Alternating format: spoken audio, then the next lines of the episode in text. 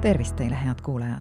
Te kuulate taskuhäälingu saadet Tervist. minu nimi on Aive Mõttus, olen Maalehe ajakirjanik ja tervisetoimetaja. tänase saate teemaks on geenid. sest tundes oma geene ja teades nendest tulenevaid riske, saame tervist rohkem hoida ning nii kümneid eluaastaid juurde võita, usub Tartu Ülikooli Genoomika Instituudi asedirektor ja Eesti Geenivaramu Teaduskeskuse juht Tõnu Esko Tõnu Eskoga on teinud intervjuu ajakirjanik Kristina Traks ning see on avaldatud ajakirja Tervis pluss kahe tuhande üheksateistkümnenda aasta juuninumbris. geeniteadlane Tõnu Esko usub kindlalt, et kümne aasta pärast võiks igaüks teada oma pärilikke terviseriske. millised teemad on aga praegu rahvusvahelistel geenikonverentsidel kõige kuumemad? kõikjal räägitakse personaalsest meditsiinist põhiküsimus on, kuidas kasutada geneetilisi riskiskoore nii teaduses kui ka praktilises tervishoius ja ennetustegevuses. Eesti on oma geenidoonorite projektiga selles vallas kogu maailmas esirinnas.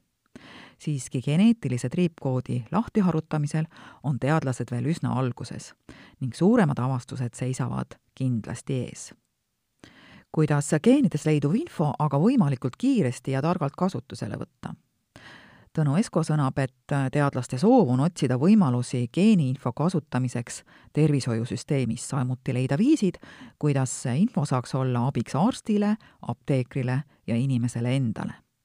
geeniinfo on väga oluline alus haiguste ennetamisele. samas puhas teave, et mul on ühe või teise haiguse risk, ei pruugi veel tõhusalt tegutsema panna. oleks vaja ka süsteemi tuge see on nagu suitsetamise või ülekaaluga kõik ju teavad, et suitsetamine on halb, aga ikka suitsetatakse. või et ülekaal on kahjulik, kuid ikka meeldib meile palju süüa. suitsetamine hakkas vähenema alles siis, kui süsteem loobumist toetama asus. suitsetamine muutus ebamugavaks, enam ei saanud seda teha mugavalt kohvikus, vaid pidi minema kuhugi nurga taha. samamoodi peaks süsteem toetama ka inimesi, kellel on näiteks pärilikult suur kolesterooli näit või rinnavähi oht et riskide tuvastamisega kaasneb nõustamine ja perearstil on nende riskide kohta info. teadmisi oma geenidest saab iga inimene ka ise ära kasutada, sest siis ta teab, millest hoiduda ja millele tähelepanu pöörata üldiselt ei peaks geneetikat kartma, ütleb Tõnu Esko ning pole vaja arvata, et kui geenid näitavad riski, siis ise enam midagi teha ei saa. vastupidi, teades personaalseid terviseriske, on võimalik keskenduda ennetusele, kas muutes käitumist või ravi. inimesi, kelle DNA-s on mõni tõeliselt halb muutus, on väga vähe. enamiku inimeste genoom on suuremate üllatusteta ja see on tervise seisukohast väga hea. kuidas saaks perearst oma igapäevatöös geeniandmeid kasutada? tulevikus saaks andmeid rakendada haiguste ennetamisel. näiteks kui patsiendi kohta on teada, et tal on pärilik kõrge kolesterooli taseme või diabeedi risk, siis kutsub perearst patsiendi uuringutele juba enne, kui inimene pöördumatult haigestub. samuti annaks geenikaart lisajuhiseid ravimite manustamiseks. praegu jälgib arst ravimit määrates selle sobivust teiste võetavate arstimitega, kuid abi oleks ka geeniinfost. geenikaart võiks olla arsti igapäevane tööriist ei maksa arvata, et tegemist on väga kalli lahendusega, sest geeniproov võetakse ühe korra ja seda saab kasutada kogu elu igaüks võiks teada, millised on viis tema kõige tõene, tõenäolisemat haigusriski, et silmad lahti hoida ning midagi ka ise aktiivselt ette võtta. muidugi ei pea nendele ohtudele lakkamatult mõtlema, aga abiks oleks küll, et kui sul on näiteks diabeedirisk, siis sa ei oota, kuni haigus kätte jõuab, vaid hoiad juba enne veresuhkru taseme elustiiliga normis milliseid avastusi on siis Eesti geeniteadlased juba kogutud geeniproovide põhjal teinud? Tõnu Esko ütleb, et nad on teinud mitmeid pilootuuringuid. esimese faasi geenidoonoritel, kelleks olid siis äh, viiskümmend tuhat inimest, kes ühinesid Eesti geenivaramuga aastatel kaks tuhat üks kuni kaks tuhat kümme, on kaardistatud rinnavähi ja südamehaiguste risk. nüüdseks on rohkem kui kahe tu-, kaks tuhat geenidoonorit saanud personaalse tagasisidena üldist informatsiooni diabeedi, südamehaiguste, glaukoomi ja mõnede ravimite geneetiliste riskide kohta. tehtud on ka mõned väikesemahulised pilootuuringud suure mõjuga halbade mutatsioonide suhtes. samuti on käimas paar ennetuslikku uuringut. viie tuhandel inimesel on uuritud kõrge kolesterooli tasemega seotut. kõrge halva kolesterooli tase loob pinnase südamehaigusteks. näiteks võib tuua siinkohal juhtumid, kui pealtnäha täiesti terve spordimees kukub rajal kokku. Paljud inimesed kõnnivad ringi nii, et neil tiksub taskus pomm, millest nad midagi ei tea ning mis ühel hetkel ootamatult plahvatab.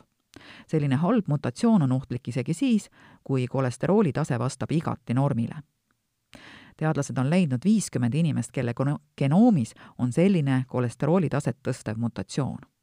Kõik need geenidoonorid on kutsutud lisauuringutele, neile on antud ülevaade mutatsiooni mõjust tervisele, neid on konsulteerinud südamearstid ja vajadusel on tehtud ka lisauuringuid.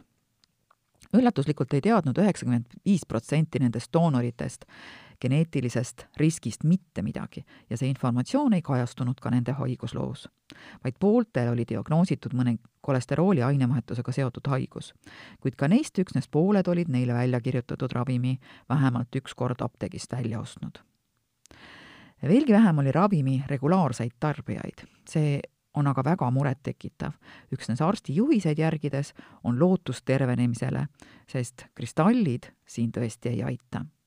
Samas jääb lootus, et kui inimene ise teab, et tema geenides on midagi tõsist, siis ehk ta järgib ka tohtri soovitusi. paljud on hädas liigsete kilodega ja seda probleemi on lihtne ajada geenide kaela stiilis olen nii suur, sest juba minu ema ja vanaema olid paksud. kas aga tegelikult saab ülekaalu otseselt DNA-ga seostada. Ja Tõnu Esko vastab, et oma ala entusiastina võiks ta öelda, et kõik on geenidest, kuid samas sõltub väga palju ka keskkonnast. on väga harv, kui geenid määravad, et inimene on ülekaaluline. umbes iga kümne tuhandes inimene kannab DNA-s mutatsiooni, mis täielikult lõheb, lõhub mõne söögiisu kontrolliva geeni funktsionaalsuse ja seetõttu süüakse end vaata et lõhki. kerge ülekaal on aga lihtviisiliselt kinni selles, et saadakse liiga palju kaloreid, rohkem kui päeva jooksul ära kulub ei ole siin tõesti tarvis geeniteadlast, tuleb lihtsalt liigsöömist vältida. samas, kui räägime ainevahetuse kiirusest, siis selle määravad küll geenid moodsal ajal peetakse õnnelikuks neid inimesi, kes võivad toiduga patustada ja neile ei jää külge midagi liigset. seevastu vanal ajal olid sellise ainevähetusega inimesed just õnnetud, kuna nende keha ei talletanud varusid. Ka selle info mõistmiseks pole vaja geenitesti, sest tegelikult igaüks meist ju teab, kas ta võib süüa burgerit tagajärgedeta või mitte geeniteema on nii populaarne, et mitmed teenusepakkujad lubavad geenide abil küll kehakaalu ohjeldamise, spordieelistuste kui ka unerütmide kohta infot anda. mida sellistest suhteliselt lihtsakoelistest testidest arvata? Tõnu Esko ütleb, et inimene on keeruline masin, kus iga üksik protsess, kas siis toidu seedimine, maitse-eelistused või sportlikud saavutused, on mõjutatud tuhandete geenide tööst, nende mutatsioonidest ja ka meie elustiilist mõne üksiku mutatsiooni kaardistamisest abi ei ole. organismi tuleb vaadata terviklikumalt. Turul on tõesti mitmeid teenusepakkujaid, kes lubavad, et just nende pakutud test annab kõige täpsemaid juhiseid, mil viisil alandada kaalu või valida just teile sobiv spordiala teaduskirjandusest lähtuvalt aga väidab Tõnu Esko, et need testid ei ole paremad astroloogilistest horoskoopidest. tegemist on kirjanduslike väljamõeldistega ning targem on raha kulutada puuviljadele ja olla füüsiliselt aktiivne looduses kuid kas üldlevinud vaimse tervise hädad nagu depressioon ja äremus võivad olla geenidega kaasa tulnud? on terve trobikond geneetilisi variante, mis halva keskkonna korral suurendavad depressiooni riski praegu on teaduskirjandusest teada rohkem kui sada genoomi piirkonda, mis riski mõjutavad. võtame näiteks skisofreenia, mille kohta juba ammu teatakse, et see on pärilik haigus. samas kümme aastat tagasi ei olnud veel konkreetselt teada ühtegi geeni, mis sellega otseselt seotud oleks. Kuid nüüdseks on neid leitud peaaegu tuhatkond. ja niimoodi on paljude haigustega, oleme alles avastustee alguses. kui palju siis ikkagi geenidest sõltub? üldistavalt võiks öelda, et umbes pool, aga elustiil on sama oluline kui DNA. võtame näiteks kognitiivse võimekuse, mida teaduskirjanduses mõõdetakse kõrgeima omandatud haridustaseme kaudu. geenid võivad olla head, aga kui puudub keskkond õppimiseks, siis kuidas sa ikka õpid?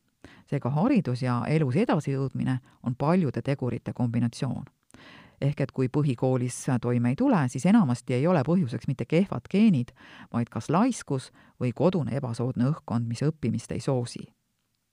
vähe on haigusi, kus geneetilise riski vastu ei saa. ehk vaid perekondlik rinnavähk on haigus, kus mutatsioon võib kasvada haiges, kasvatada haigestumisriski kümneid kordi sellise mutatsiooni korral pole küsimus selles, kas haigestutakse, vaid et millal see juhtub. niisuguste mutatsioonidega inimesi on, on aga tõesti väga vähe, kinnitab Tõnu Esko. enamasti näitab geneetiline profiil vaid suurenenud riski haigestuda, mida teades saab ohtu tunduvalt vähendada ja nõnda võita juurde kümneid eluaastaid. kuhu on aga geeniteadus arenenud kümne aasta pärast? Inimese genoom järjestati kakskümmend aastat tagasi, kuid süstemaatiliselt on seda loetud viimased kümme aastat. see tähendab, et infot, mis meil genoomi kohta on, tuleb aina juurde. kui inimene saab peaaegu praegu geneetiliste riskide raporti, siis juba mõne aja pärast võib see täiustuda, sest uusi avastusi lisandub pidevalt ning praegu pole veel piisavalt teadmisi seoste loomiseks Tõnu Esko ütleb, et tema lootus on, et aastaks kaks tuhat kolmkümmend on igal eestimaalasel geenikaart, milles leiduvat infot saab ta oma tervise heaks rakendada. samuti kasutab seda infot siis tema lootuses perearst ja meditsiinisüsteem ei tegele mitte ainult ravi, vaid ka ennetusega, mis tugineb samuti geeniandmetel. oleme praegu selle tee alguses ja võib öelda, et tunnelist paistab valgus juba kümne aasta pärast võiks iga eestimaalane just tänu geeniteadusele teada oma peamisi DNA eripärast põhjustatud terviseriske. see oli siis intervjuu geeniteadlane Tõnu Eskoga, kuid üks väga huvitav intervjuu samal teemal on ka doktor Andres Metspaluga Tervis plussi äh, kahe tuhande kaheksateistkümnenda aasta novembrinumbris ja soovitan teil sedagi lugeda. saate oma geenide kohta rohkem teada head kuulajad, te kuulasite taskuhäälingu saadet Tervist. saate leiate Delfi podcastide pesast tasku, nutirakenduste Spotify, Apple Podcasts, SoundCloud ja teised. hakake jälgijaks ja kuulake just teile sobival ajal. ettepanekuid teemade kohta, mida saates võiksin käsitleda, ootan teilt e-posti teel aadressil tervist.maaleht.ee. olge julged kirjutama. minu nimi on Aive Mõttus, olen Maalehe ajakirjanik ja tervisetoimetaja. tervist teile!